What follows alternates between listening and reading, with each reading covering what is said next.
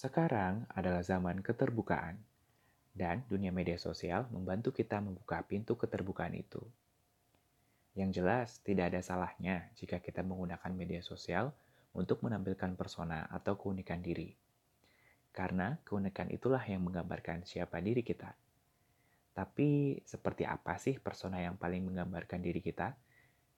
Lalu, bagaimana cara kita menjadi diri sendiri dan kemudian mengekspresikannya? Menjadi diri sendiri memang tidak selalu mudah, terutama jika berada di ranah media sosial. Namun, di episode kali ini ada Hello Bagas yang akan bercerita mengenai bagaimana mulanya ia terjun di media sosial dan membentuk persona dirinya. Di Instagram, ia menyebut dirinya sebagai melancholic person yang berbagi tentang hal-hal seputar intimacy dan deep feelings. Dengan keunikan dan caranya mengekspresikan diri di media sosial, ia telah memiliki followers lebih dari 450 ribu orang.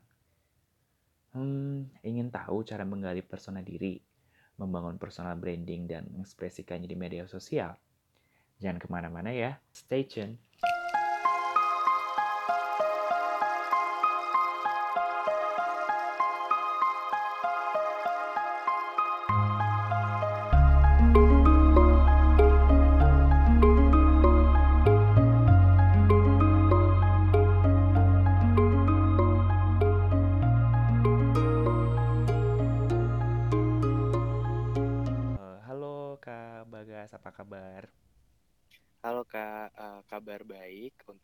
Ini. Kakak gimana? Alhamdulillah baik juga. ya, um, kan ini kita lagi pandemi nih. Selama pandemi, uh, kesibukan Kak Bagas apa sih? Kalau selama pandemi ini, karena sudah mulai kuliah online, jadi kesibukannya biasanya kalau pagi-pagi ikut kuliah online, terus uh, siangnya kayak bikin konten aja sih. Oh oke. Okay. Nah, untuk tema podcast GWRF kali ini kan menjadi diri sendiri untuk membangun personal branding di media sosial nih kak. Uh, sedangkan kak uh, Bagas sendiri sudah sangat apa ya dikenal oleh uh, masyarakat sebagai uh, sebagai sosok yang uh, melancholic person. Nah mungkin ada beberapa pendengar uh, podcast GWRF yang masih belum familiar dengan uh, melancholic person itu seperti apa mungkin bisa dijelaskan oleh Kak Bagas dan sekaligus pandangan Kak Bagas terhadap uh, melancholic person tuh seperti apa sih? Oke. Okay. Uh, sebelumnya aku pengen nyapa juga ya buat para pendengar podcast oh, iya. ini. Silahkan. Semoga selalu dalam keadaan baik, teman-teman semuanya yang sudah uh, jaga kesehatan dan pakai masker ke mana-mana. Jadi mungkin kalau buat teman-teman yang pertama kali untuk mengunjungi Instagram aku, pasti orang nanya, kok ini aneh banget namanya melancholic person pas di scroll kok cowok lagi gitu. Mm-hmm. uh, itu adalah semacam mungkin kayak kena stereotip juga kalau menulis tuh harus dilakukan sama perempuan. Dan kalau yang hal-hal berbau kesedihan hal-hal berbau air mata hal-hal berbau galau itu harus uh, perempuan gitu. Sedangkan laki-laki itu kayak bukan bukan sesuai kodratnya lah. Lu kan harusnya kuat lu kan harusnya strong nggak usah bikin quotes quotes kayak gituan. Itu adalah hal yang sebenarnya sering aku dapatkan sih kak di kolom mm -hmm. komentar di DM di YouTube Yep. Ada beberapa komen mungkin di YouTube juga kayak, ih gue kira suara perempuan ternyata cowok skip lah gitu. Hmm. Nah jadi buat teman-teman melankolik person tuh adalah sebenarnya orang yang melankolis. Nah aku tahu diri aku melankolis tuh sebenarnya sejak waktu setiap pergi ke sekolah tuh pas SMA ya kak ya, mm-hmm. kan aku dianterin sama bapak biasanya kalau mm-hmm. pagi. Mm-hmm. Nah ada banyak kata-kata yang terrepetisi gitu di pikiran aku, terus uh, itu tuh aku belum sadar bahwa aku bakal jadi seorang Hello Bagas seperti sekarang. Mm-hmm. Aku cuman kayak oh iya yeah, mungkin emang kayak gini aja gitu. Terus setiap pulang sekolah naik angkot kata-kata itu juga balik lagi kata-kata yang sebenarnya kalau misalkan ditulis tuh jadi sesuatu yang cukup indah sih jujur mm-hmm. karena waktu itu aku juga belum gemar membaca belum uh, pandai menulis juga masih terlalu bodo amat lah mm-hmm. nah waktu itu akhirnya aku mulai uh, bikin audio hmm Sebenarnya sebelum bikin audio aku ngerekam diri sendiri di kaca sih kak kayak kayaknya okay. bagus ya kalau dengerin. okay. Kayak bagus ya. Mm-hmm. Akhirnya aku simpan sendirian. Nah mm-hmm. sampai pada akhirnya ada temen aku yang denger dan ternyata mereka suka gitu. Mm-hmm. Akhirnya aku coba, aku masih denial mana ada sih yang suka keginian gitu. akhirnya ketika aku post dan boom ternyata kan dulu juga masih jarang ya kayak yang Mm-mm. audio audio kayak gitu yang cowok gitu betul terus uh, puisi-puisi cinta galau gitu akhirnya aku mulai nge-branding diri aku sebagai melancholic person ya karena nggak sama seperti laki-laki pada umumnya. Mungkin laki-laki pada umumnya tuh lebih gemar buat main futsal main basket main volley atau main games misalnya. Aku Oke. nggak ada di antara mereka semua. Mhm. aku orang yang lebih mudah untuk pertama tuh tersentuh sama sesuatu hal sederhana aja. Terus aku tuh lebih mudah untuk menggambarkan sesuatu dengan kata-kata. Ketika misalkan tadi hujan aku ada beberapa puisi misalnya Mhm. yang tiba-tiba terlintas tanpa aku harus nulis di kertas tiba-tiba udah tertulis aja di pikiran aku Mhm. nah mungkin aku menyebut sebagai melancholic person adalah aku bisa menggambarkan sesuatu dengan kata-kata itu tuh dan itu tuh bisa nggak cuma ngena di aku tapi juga bisa ngena di orang yang baca gitu Oke. Iya gitu sih, Kak. Oke, jadi menarik sekali ya berawal dari eh, hal yang tidak terduga sebelumnya gitu. Iya, tidak terduga betul kan. Oke, next. Sejak Mm. kapan sih Kak eh, Bagas ini mulai menggunakan sosial media? Sebenarnya mulai sosial media sih waktu pas Instagram di awal muncul 2012, Mhm. aku 2013-nya langsung make dengan eh, nama akun tuh dulu Bagas 185. Nah, di situ tuh aku cuman aktif untuk nge-share cerita-cerita sehari-hari aja. Kayak misalkan aku dulu beli sesuatu atau beli jajanan. Itu aku bakal ceritain gimana beli jajannya itu di mana rasanya gimana dan aku foto. Kebetulan aku juga dulu sering banget atau suka banget ngefoto gitu ya kayak Mhm. uh, akhirnya akun tersebut tuh jadi lama-lama nggak aktif dan aku mikir aku harus bikin konten yang bisa mewakili aku dan mewakili semua orang karena ketika aku mulai di akun yang lama aku berpikir bahwa itu cuma cerita tentang aku aja gitu aku pengen bikin media yang di mana bisa jadi rumah setiap orang dan itu ceritanya juga tentang mereka juga.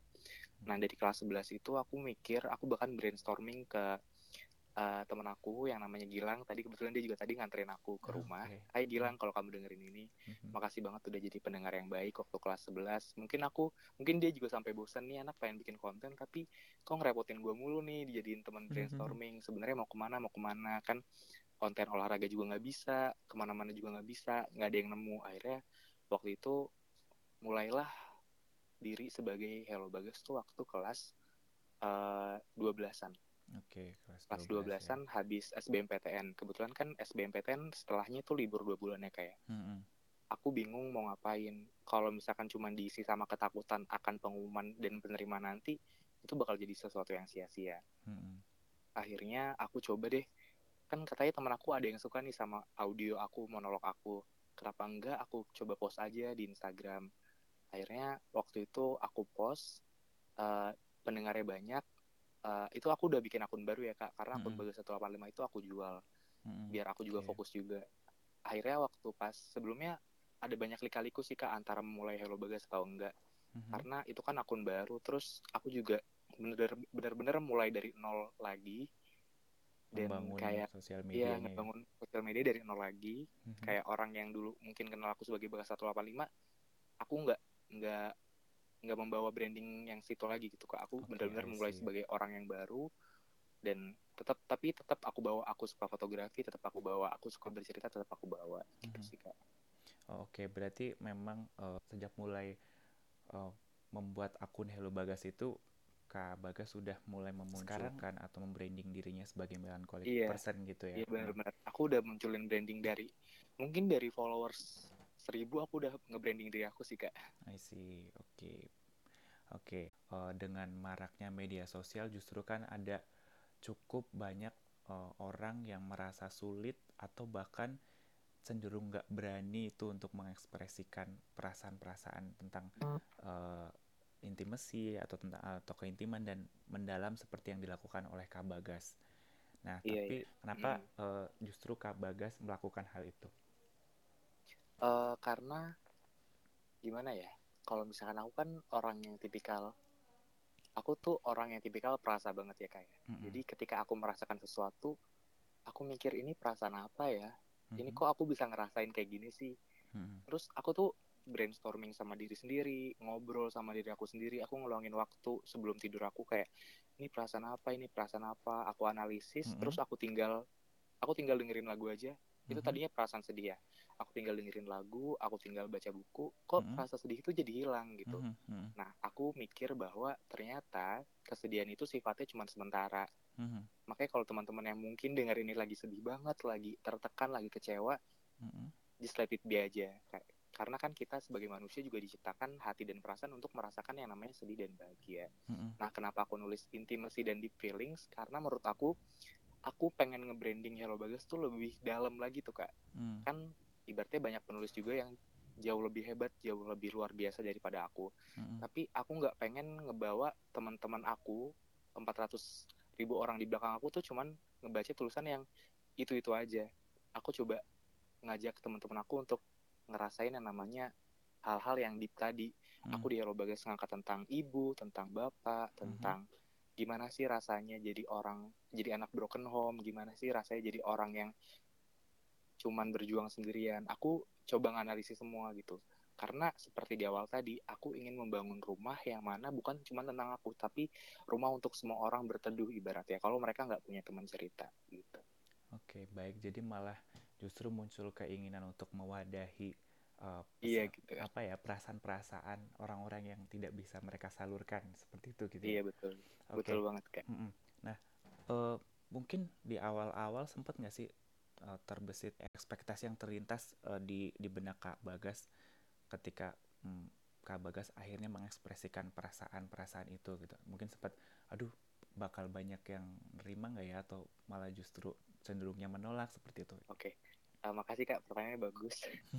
Eh, waktu itu sempet sih pasti kita tuh pasti ya mikirin kayak gitu kayak Mm, "Ah, aduh bakal suka nggak ya orang-orang bakal gini ya tapi aku mikir kalau misalkan bikin kayak gitu aku pasti nggak bakal mulai-mulai kan mm, karena sebelumnya juga aku udah sering banget kena judgmental dari teman-teman terdekat aku bahkan yang Oke. bilang tulisan aku seperti sampah cover wetpad aku seperti bukan cover pada umumnya dan terus Mhm. gaya bahasa aku juga terlalu dibuat-buat katanya. Mhm, gaya bahasa aku katanya terlalu baik terlalu diksi aku tuh terlalu berlebihan dan ketika aku pakai di Instagram kok teman-teman pada suka gitu. Mm, itu jadi warna tersendiri juga kan. Akhirnya ketika satu persatu datang kak semangat ya nulisnya kak. Makasih ya dengan kakak nulis ini aku jadi lebih baik. Hal-hal yang satu persatu yang mungkin ketakutan-ketakutan itu tuh tadinya datang jadi wah ternyata nggak se nggak semenyeramkan itu nggak semengerikan itu ternyata. Justru aku bisa ngebantu orang lain dengan cara aku sendiri. Kadang kan kita sering banget ya kayak pengen jadi pahlawan pengen jadi superior buat orang lain tapi kita nggak tahu caranya harus apa. Mm, kalau aku sih caranya sederhana aku tetap nulis dan tetap berusaha untuk kasih banyak hal. Karena ketika di pandemi kali ini rasanya buka sosial media tuh jadi bikin makin pusing kan kak ya? Betul. kayak berita-berita hoax ada di mana-mana ketakutan-ketakutan kecemasan-kecemasan yang bikin diri kita sendiri hilang jati dirinya. Betul. aku pengen banget ketika teman-teman buka YouTube aku buka Instagram itu ada scroll ih kalau bagas ngeposting nih.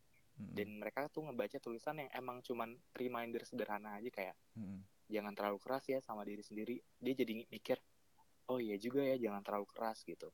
Ketika aku ngeposting kayak nggak apa-apa sedihnya diterima aja. Aku pun ngerasa kayak gitu kok. Dan dia jadi mikir oh iya aku nggak sendirian. Kak bagas juga ngerasain kok dan itu hal yang wajar.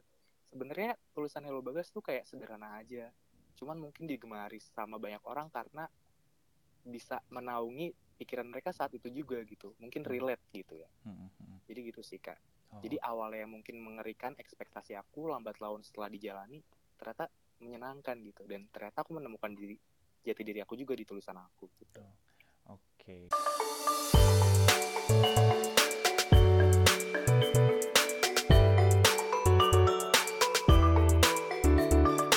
Di antara beragam reaksi netizen nih eh, ketika. Kak Bagas eh, berkarya melalui Hello Bagas, ada nggak sih yang sampai sekarang masih teringat dengan jelas kata-kata yang entah mungkin dua ya, yang Iya. yang menyakitkan dan juga yang sangat menguatkan. Oke Seperti oke. itu. Mm, Eh, yang menyakitkan dulu mungkin ya kayak boleh. yang menyakitkan tuh ketika kadang tuh aku kan sering posting tulisan terus ada tisu dan tisunya tuh basah kan Mhm.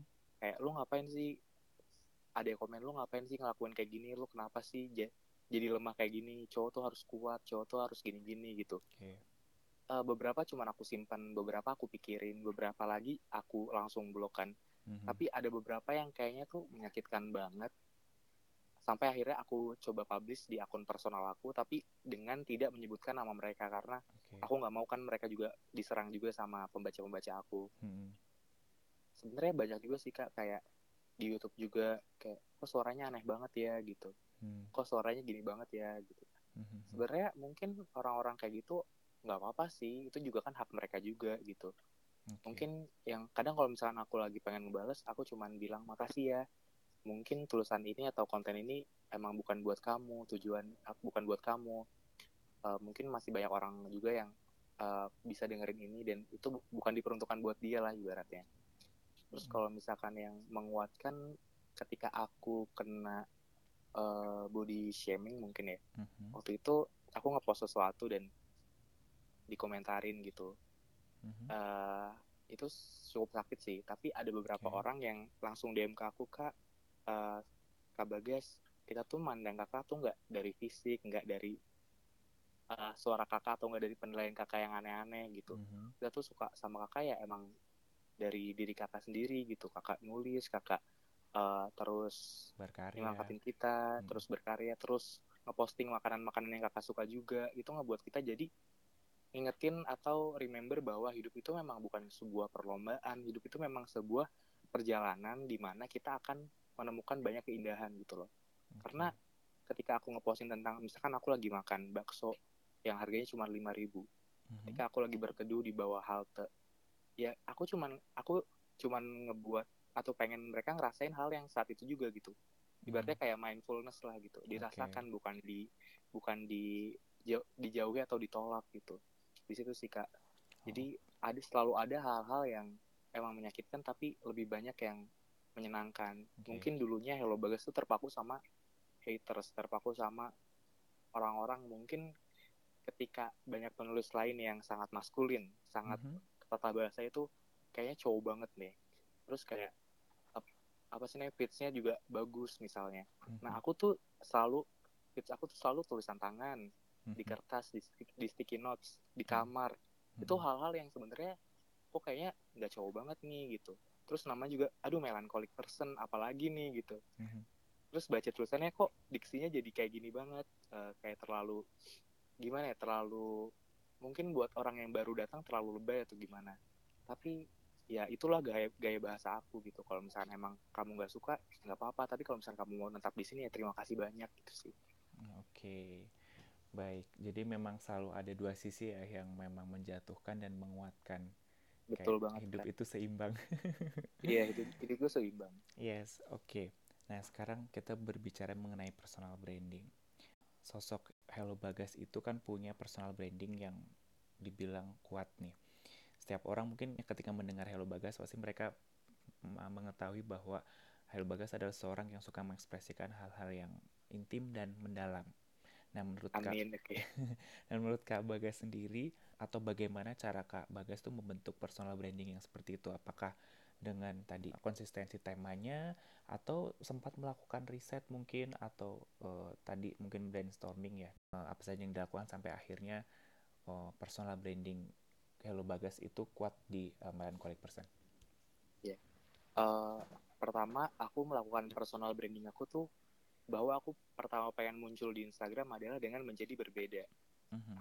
ketika misalkan emang dari banyak penulis tuh aku mencoba untuk jadi berbeda aku nggak sama dengan mereka meskipun kita sama-sama menulis gitu loh Mhm. ketika banyak orang lain mungkin menulis dengan uh, digital dengan uh, font Times New, Times New Roman aku Hmm. berusaha untuk gimana caranya ya aku bikin font pakai tulisan tangan aku sendiri Oke. jadi ketika entah tulisan itu di repost tanpa kredit pun orang tetap hafal oh ini tulisan tangannya Kak Bagas ini nggak boleh nih main-main asal repost tanpa kredit akhirnya dia nge-tag aku kak sebaiknya tag gini-gini gitu Hmm. terus ketika aku coba untuk nulis di sticky notes gitu ada jadi aku coba untuk berbagai elemen yang misalkan tadi aku coba untuk pakai font sendiri di layar putih yang biasanya orang pakai Times New Roman aku pakai tulisan tangan aku sendiri Mhm. aku coba di sticky notes aku coba di uh, sketchbook aku nulis aku nulisnya tuh di tempat yang remang di tempat yang remang di di sudut kafe atau di mana. Aku coba untuk ngebuat hal-hal yang tone warnanya tuh Hello Bagas banget tulisan tangannya Hello Bagas banget captionnya Hello Bagas banget gitu loh. Dan menurut aku hal-hal kayak gitu tuh personal branding tuh pertama bisa bikin kamu makin nemuin jati diri kamu tapi jangan terlalu jauh. Karena ketika personal branding terlalu jauh itu akan membahayakan diri kamu sendiri ketika mungkin kamu sukanya A tapi kamu hanya untuk terlihat keren kamu jadi menaikkan standar kamu jadi B. Dan akhirnya ketika kamu di posisi yang sulit banget untuk mencapai ke B kamu jadi bingung. Aduh ini gimana ya udah terlanjur, terbentuk personal brandingnya gitu. Jadi hal-hal yang dekat dengan kamu aja. Personal branding aku kan aku suka bercerita. Aku uh, suka bikin quotes-quotes singkat dengan background fotografi aku sendiri ketika yeah. mungkin orang-orang lain pada ngambil di Pinterest pada ngambil di We Heard It itu nggak masalah banget itu fine fine fine aja sebenarnya tapi aku coba pengen kayak gimana gimana caranya semua de, semua yang aku tunjukin tuh emang hasil dari tangan aku sendiri fotonya dari aku tulisan tangannya juga dari tangan aku pikirannya pun juga dari pikiran aku gitu jadi hal-hal sederhana sebenarnya kayak gitu sih kak yang bikin personal branding aku tuh mungkin jadi kuat jadi gitu. kuat ya oh, oke okay. Uh, sempet nggak sih uh, mengalami ini? Mungkin kalau penulis writers block gitu ya sempat hmm. kayak, kayak kehabisan ide atau justru malah selalu punya stok yang banyak karena uh, inspirasinya tuh ditemukan di kehidupan sehari-hari yang simple. Uh, jujur aku belum pernah ngal ngalamin writer's block ya. Alhamdulillahnya alhamdulillahnya ya. Mm-hmm. uh, aku bahkan selalu punya waiting list. Minggu ini tuh harus ada beberapa konten yang masuk. Aku tuh selalu bikin waiting listnya. Okay. hari ini uh, misalnya minggu ini cerita sebelum tidurnya bakal tentang apa podcastnya bakal tentang apa aku nggak pernah kehabisan ide untungnya karena seperti apa yang pengen aku sampaikan cukup ngerasain aja karena dari apa yang kita rasain itu pasti bisa kita tulisin gitu Okay. Jadi cukup perasain dan habis itu dituliskan aja gitu. Jadi nggak pernah ngalamin writer's block alhamdulillahnya. Ya karena memang dari hal-hal yang kecil ya yang selalu kita ya, temuin kecil setiap aja. hari. Oke. Nah sekarang kita ngomongin karya nih. Dengar-dengar uh, Kak Bagas lagi mengerjakan buku baru yang berjudul uh, Kapal Kertas. Uh, iya, mm -hmm. uh, sebenarnya lagi ngerjain sih. Oke. Okay. Uh, pengen banget untuk terbit tahun ini tapi karena pandemi jadi aku nunggu waktu yang tepat aja oke nah kalau uh, prosesnya udah sejauh apa masih masih dalam tahap uh, penulisan belum selesai atau sudah ready untuk dicetak Nah, itu sih. Itu sebenarnya pertanyaan yang cukup menyeramkan ya. Okay. Pengennya sih diselesaikan ya, Kak. Pengennya hmm. diselesaikan. Tapi karena kita tahu bahwa di kondisi pandemi kayak gini, uh, mungkin nggak cuma di sektor perbukuan aja tapi di semua sektor pun mengalami yang namanya penurunan dan Betul. kita tuh jadi kayak gimana ya uh, banyak atau lebih banyak uang yang harus dialokasikan untuk beli makanan-makanan yang sehat beli obat-obatan gitu yes. jadi ketika aku mungkin ingin menerbitkan sebuah buku aku bisa dibilang gimana ya bu sebenarnya fair fair aja gitu loh uh, yang apa apa kan kamu juga cari uangnya dari sana juga tapi mm -hmm aku mikir bahwa nanti aja deh mungkin bakal kendor bakal kendor juga di hasil penjualannya aku mencoba berpikir realistis ya kayak ya. hmm. jika mungkin aku menerbitkan buku di di kala pandemi positifnya adalah aku bisa menyediakan bahan bacaan untuk mereka-mereka yang di rumah aja itu benar banget. Mm-hmm. Tapi ketika mereka harus mengeluarkan beberapa uang, bahkan harus minta ke orang tuanya, bahkan kalaupun nabung mereka nggak sekolah kan, mm-hmm, mereka tuh di rumah gak aja. ada uang jajan. ya, aku aku berpikir bahwa, aduh buku aku nggak bakal rame nih, gitu. Mm-hmm. Akhirnya aku coba nungguin waktu yang tepat, nggak apa-apa meskipun harus mungkin setahun lagi atau mungkin beberapa bulan lagi, semoga pandemi cepat berakhir. Amin. Aku bisa totalitas dalam menerbitkan buku, aku bisa uh, book tour lagi sama mereka bisa meet and greet lagi gitu loh.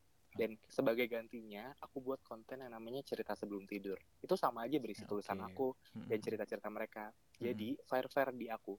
Aku bisa mengeluarkan itu tanpa harus banyak riset dan persiapan yang cukup berat dan mereka bisa menikmati karya aku dengan secara gratis gitu loh. Jadi okay. take and give-nya sama. Dan aku juga tetap bisa mendapatkan uang dari YouTube tersebut gitu. Hmm.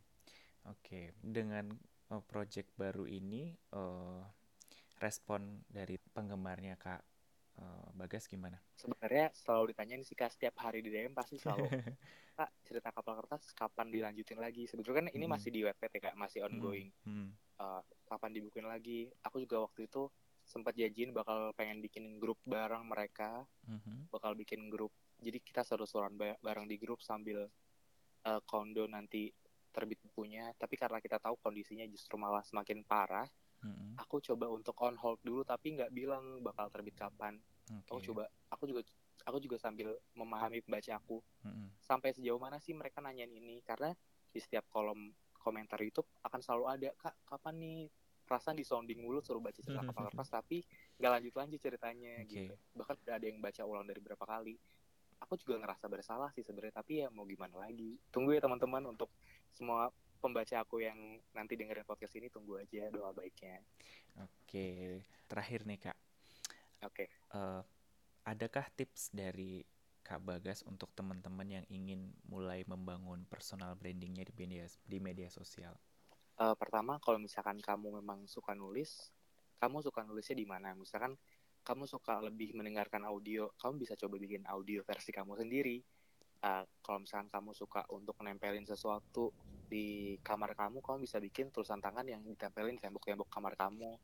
Atau kamu misalkan suka sama digital kamu bisa bikin versi digital pakai tulisan tangan kamu juga.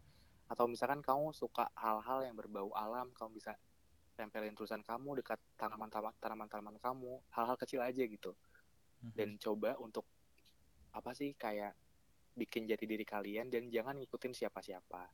Karena ketika kamu jadi di- ja- jadi diri kamu sendiri mau sejauh mana pun kamu pergi tuh kamu bakal tetap aman dan kamu bakal tetap tenang kamu gak bakal takut kehilangan banyak pembaca kamu gak bakal takut mungkin followers kamu turun kamu gak bakal takut untuk nanti opportunity kamu hilang karena aset kamu ada di dalam diri kamu sendiri gitu Itu tadi tipsnya mengenai bagaimana cara membangun Iya. personal branding. Oke, eh, mungkin itu saja Kak Bagas. Seru banget sih ngobrol eh, meskipun singkat tapi ada banyak Iya. juga insight buat saya dan juga saya yakin di apa pendengar eh, podcast GWRF ini juga banyak men- eh, mendapatkan insight yang baru, terutama di tengah Semoga pandemi. Di tengah pandemi ini kita harus selalu menjaga kesehatan mental itu sih yang paling penting di Benar tengah banget, pandemi iya. ini. Mm-mm. Oke, eh, itu saja Kak Bagas. Semoga sehat selalu, semoga juga lancar eh, me- apa meneruskan karyanya juga lancar, selalu punya ide-ide yang eh, brilian untuk menjadi sebuah konten. amin semoga Oke, terima kasih Kak Bagas sekali lagi atas waktunya dan sampai jumpa lagi dan kita berharap ketika pandemi selesai nanti ada GWRF lagi Kak Bagas Oke. bisa hadir di GWRF Amin, dan menyapa langsung para uh, penggemarnya. iya terima kasih juga kak sehat selalu Oke, terima kasih.